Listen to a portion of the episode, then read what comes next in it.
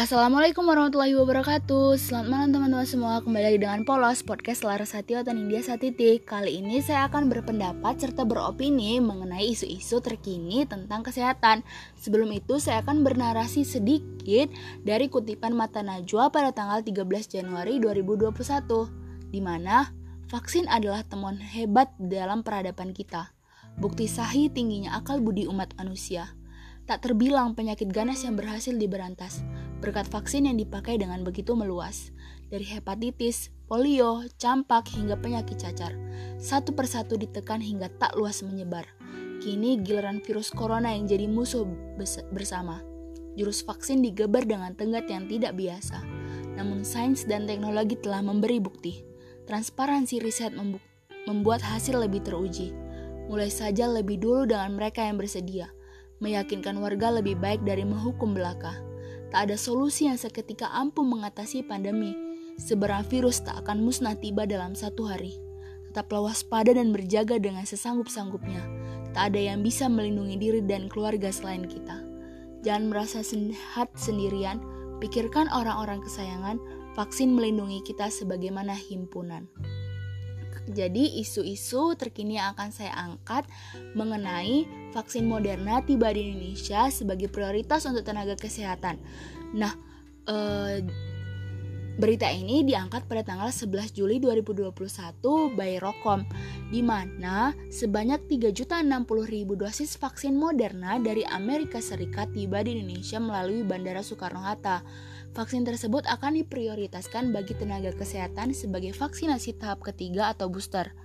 Vaksin Moderna dikirim melalui COVAX Facility yang merupakan bukti nyata bahwa pemerintah terus berupaya keras menghadirkan vaksin COVID-19 untuk memenuhi kebutuhan vaksin di Indonesia. Menteri Kesehatan Republik Indonesia, Budi Gunandi Sadikin mengapresiasi dukungan dari rakyat dan pemerintah Amerika Serikat yang mau membantu program vaksinasi Indonesia dengan mengirimkan vaksin Moderna.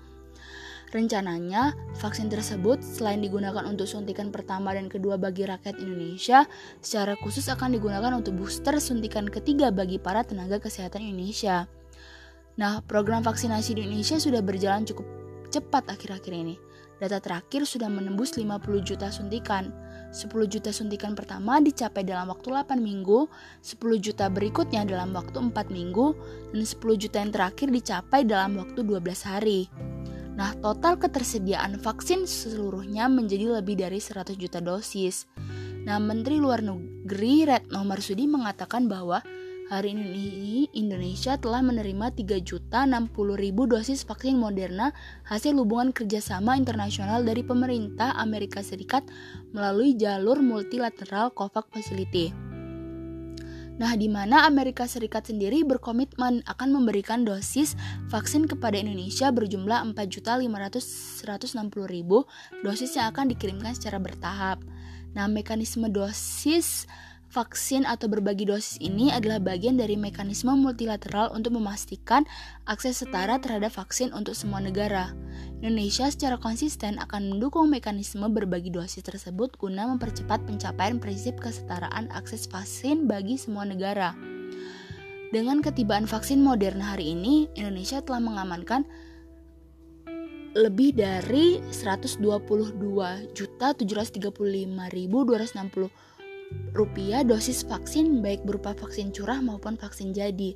Nah, jutaan vaksin dari jalur pengadaan komersial maupun dari dukungan internasional dan bilateral akan tiba pada bulan Juli ini.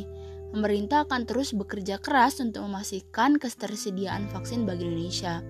Nah, tak hanya vaksin, berbagai dukungan datang dari negara tetangga untuk membantu memenuhi kebutuhan ventilator, oksigen, obat-obatan, dan peralatan medis di Indonesia.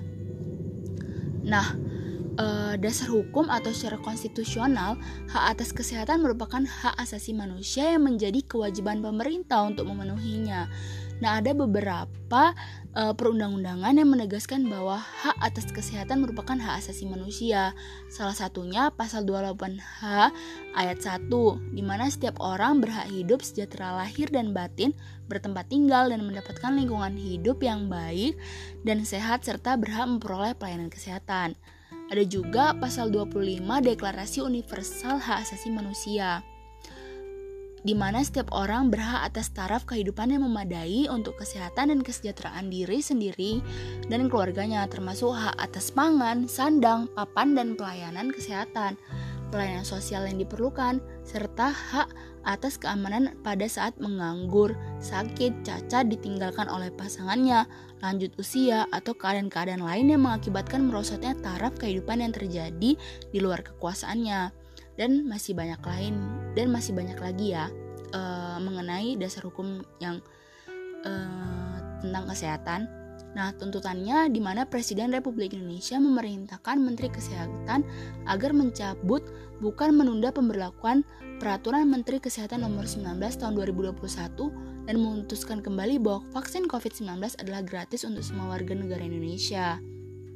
Nah, Dewan Perwakilan Rakyat atau DPR khususnya Komisi 10 untuk mengingatkan pemerintah bahwa vaksin COVID-19 adalah barang publik atau public goods yang akan harus diberikan kepada seluruh warga negara Indonesia secara gratis.